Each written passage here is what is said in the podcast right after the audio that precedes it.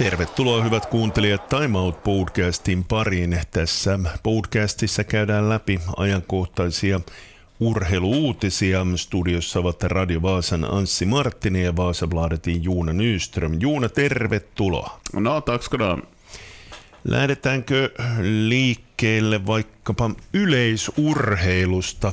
En tiedä kuinka paljon tulit seuranneeksi Suomi-Ruotsi yleisurheilumaaottelua, mutta pitkästä aikaa tästä kisasta tuli jännittävä. Och ändå förlorar vi.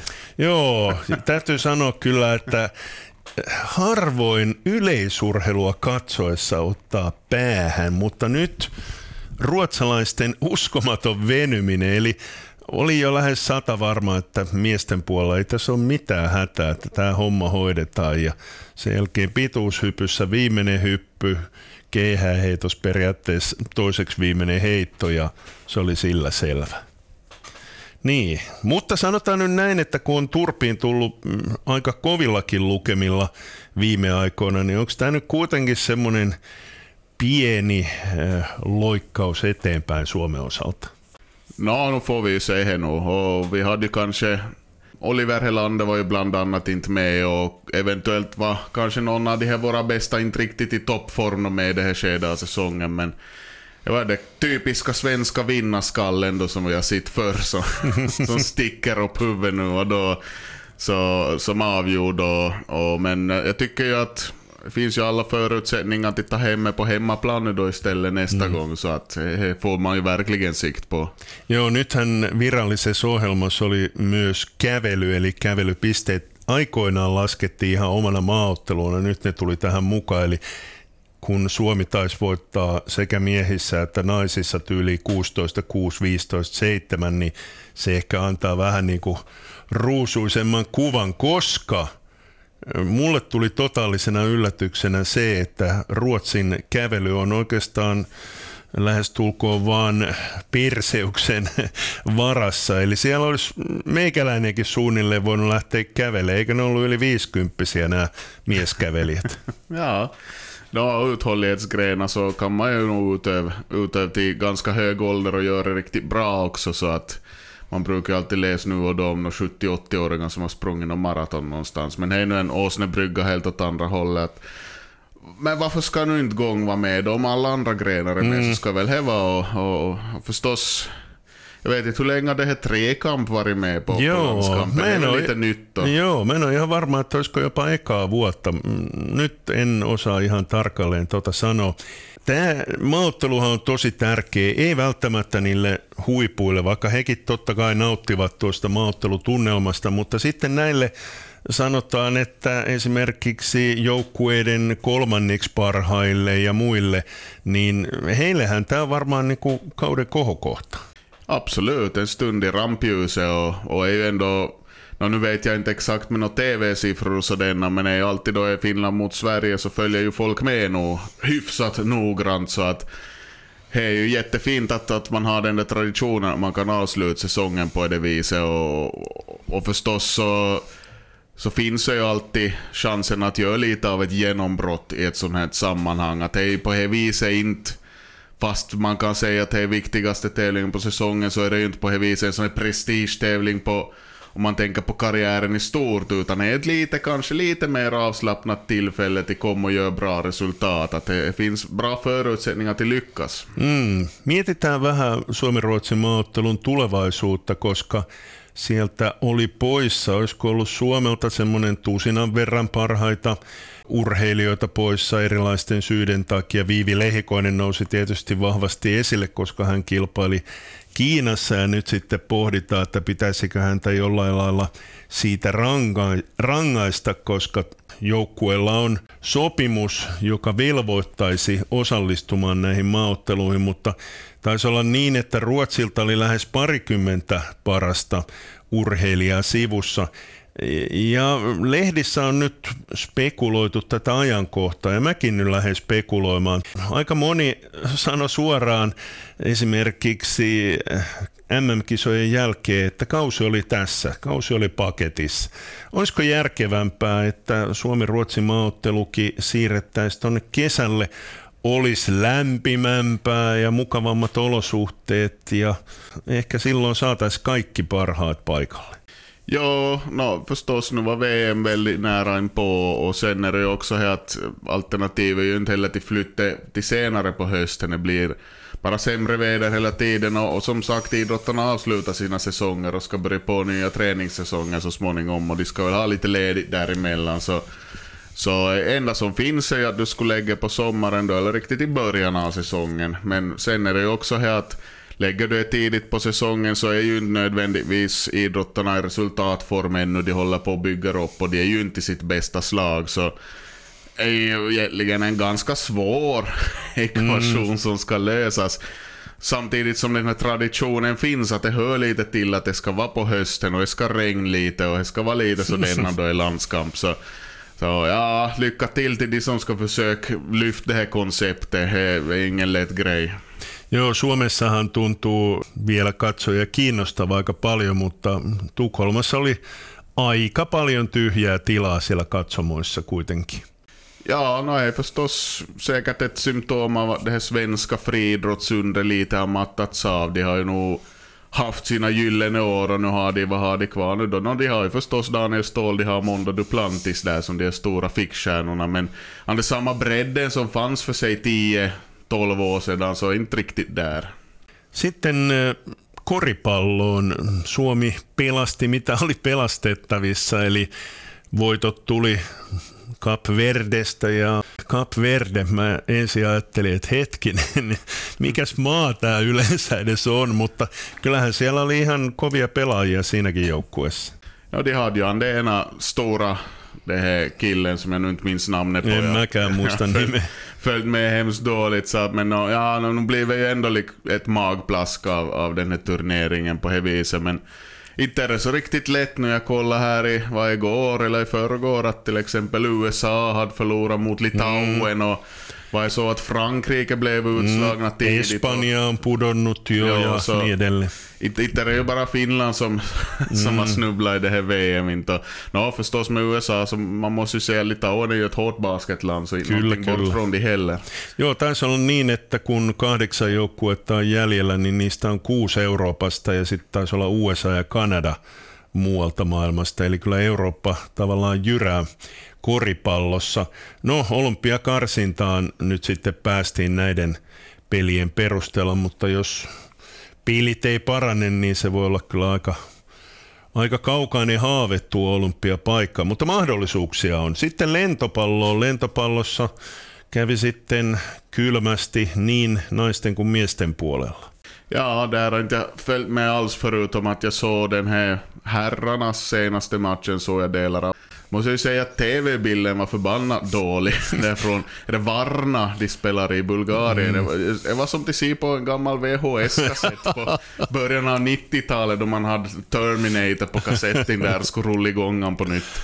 Joo, tässä on ollut muutamia semmoisia erittäin huonoja äh, TV-lähetyksiä. Mä en tiedä kuinka tarkkaan seurasit esimerkiksi muukarikisoja tuolta MM-kisoista. Siellä oli ensinkin niitä viivoja niin älyttömän paljon, että ei oikein tiennyt, että mikä viiva on mikäkin. Ja sitten tuntuu, että se moukari oli ainakin kuvailta kateissa välillä, mutta kyllä legendaarisin tänä kesänä on, seurasin ISTVstä, taisi olla Mikkelin keihäskisat ja tämä keihäskisa oli kuvattu niin, että maan tasalta ja suunnilleen niin, että se keihäs tuli suoraan kohti kameraa, niin siinä, siinä ei kyllä nähnyt mitään, että parannettavaa olisi.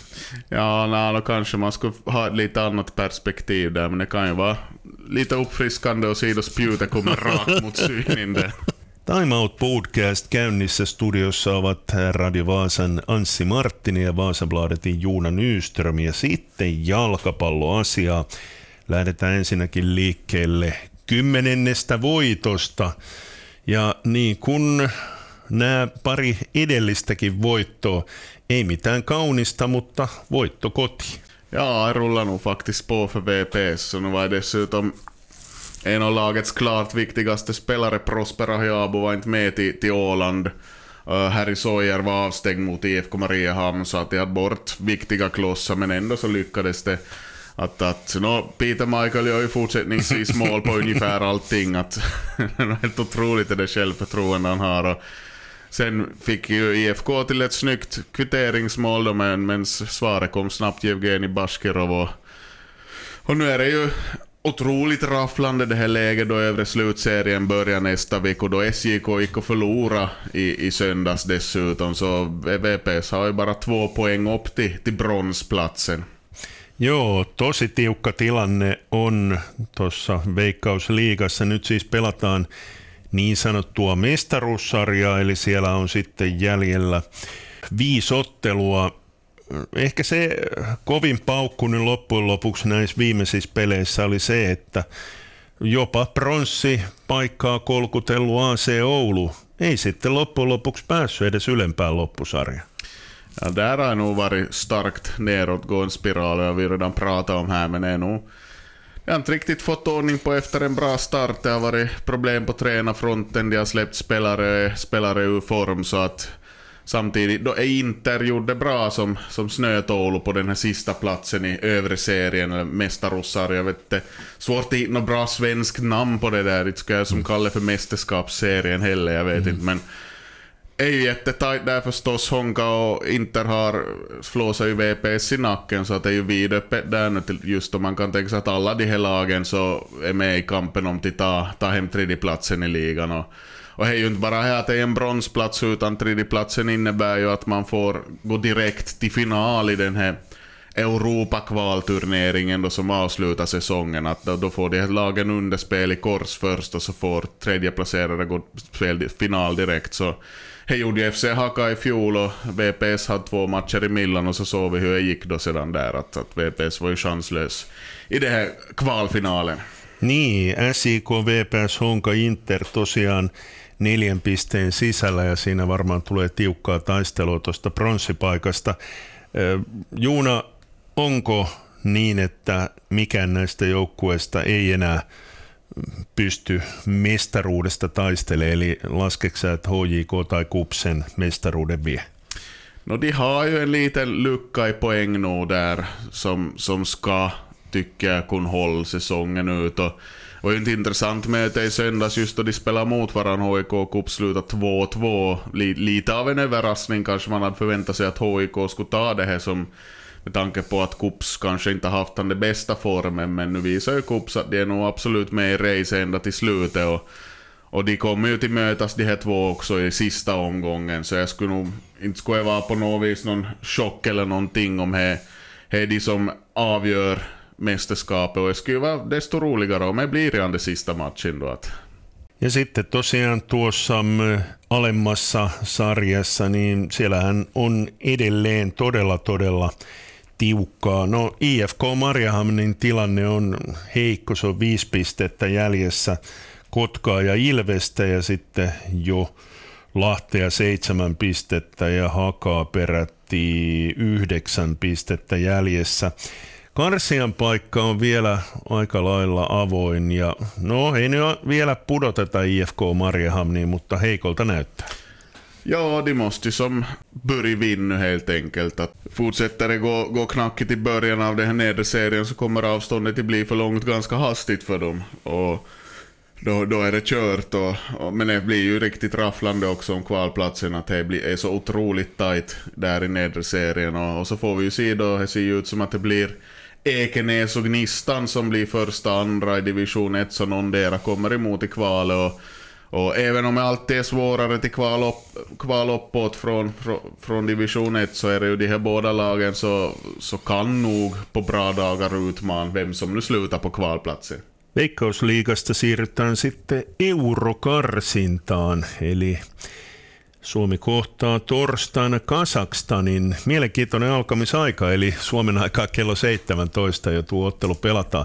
Kasakstan, sehän saattaa kuulostaa siltä, että no joo, kyllähän tuommoinen joukkue kaadetaan, mutta eikö se ollut niin, että Kasakstan löi Tanskan kotiottelussa? Det kan nog vara den tuffaste matchen som Finland har i det här kvalet. Man tänker att de ska resa ända långt bort till Astana, det är ju inte Kaskö direkt, det är ganska långt bort. Och nu med allt det här med Ryssland och sådär, att vilka vägar reser man dit och, och sen kan man räkna in i ekvationen då att till exempel vi har landslagets ledstjärna Teemu Pukkisa som först ska flyga från USA och sen vidare dit bort. Så att det blir mycket resa så och är ju Kazakstan som är på samma poäng som Finland i kvalgruppen, att det är de här två nationerna som toppar kvalgrupp H. Och inte kommer man ju dit i misstag heller inte. att kommer att bli jättetufft och, och, man kan nästan som säga så här på förhand, no, Finland har bra form i landslaget igen men att ett kryss redan borta mot Kazakstan är helt bra. Och, och förstås då ska man ju tycka att man ska vinna mot Danmark hemma då på söndag också. Mitään yllätyksiä ei tainnut tuohon kokoonpanoon tulla. Taisi olla yksi uusi pelaaja. Joo, var den här Kevin Kuassivi Benisan, den här, är han vänster eller högerback, jag minns inte vilken det är. Han brukar spela på kanten i HIK. Så ännu en HIK-spelare lyfts upp i landslaget. Joo, onko sitä mieltä, että sieltä pääsee liian helposti maajoukkueeseen? Ja, inte vet jag, de har ju samma färger dessutom på tröjorna. ja, men nu, nu, är det, nu har det ju varit lite så att det har blivit den att, att bredden i landslaget så tar man ur HIK ganska långt. Och förstås är ju Finlands största klubb som har råd till värva in Finlands bästa spelare, så på det viset är det ju inte så konstigt inte. Lyhyesti vielä jääkiekosta. Ihan vielä ei aloiteta kautta, mutta ei, ei enää kauaa, ei enää kauaa. Oliko se nyt ensi viikolla, kun liika käynnistyy. Ja nyt keskiviikkona Sportilla on sitten ottelu. Kotihallissa tulee vastaan Jyp ja se varmaan antaa jo aika paljon osviittaa, että missä mennään, koska nyt ollaan jo näin lähellä kauden alkuun. Ja, det blir alltså två matcher mot Djup den här veckan. Hemma på onsdag och borta på fredag. Och sen är försäsongen klappad och klar. Så nu ska vi väl tro att, att, att vi är så nära det spelet som det ska vara nu och förstås vi har ju sett tidigare säsonger att sport har varit till och med lite före de andra ligalagen just i början av säsongen och det blir intressant att se om det fenomenet upprepar sig men men, men no, pff, igår så presenterade Sport de här kaptenerna för säsongen. Sebastian Ståhlberg fortsätter som kapten, det var helt väntat nu. Och, och, han sa ju i intervjun som, som Sport hade i sitt pressmeddelande att det är nog det bästa Sport han har varit med i. Det blir väl fjärde säsongen tror jag som han spelar här nu. Och, och man får väl tro på kaptenens ord och vi får se. Mielenkiintoista nähdä sitten eh, Sportin otteet sekä näissä viimeisissä treenipeleissä että myöskin sitten tulevalla kaudella. Juuna, vieläkö jäi puhumatta jotain ajankohtaista urheilusta? Ja, no, vi kan ju nämna att IFK, både herrar och damer, mött serieledarna i respektive serie här i helgen. Och damerna kryssa, herrarna vann sin match, så att en, en bra helg för kamraterna kan man väl säga. Tässä oli tämänkertainen Time Out Podcast. Studiossa ovat olleet Radio Vaasan Anssi Marttinen ja Vaasabladetin Juuna Nyström. Juuna, kiitoksia. Tack, tack.